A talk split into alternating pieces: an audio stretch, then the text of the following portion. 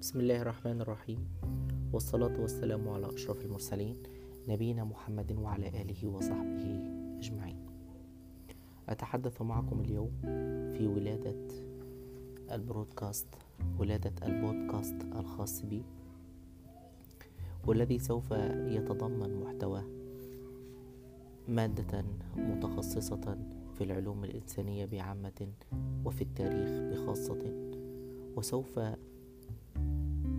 نعرض فيه مجموعة من المؤلفات التي قمت بالاطلاع عليها.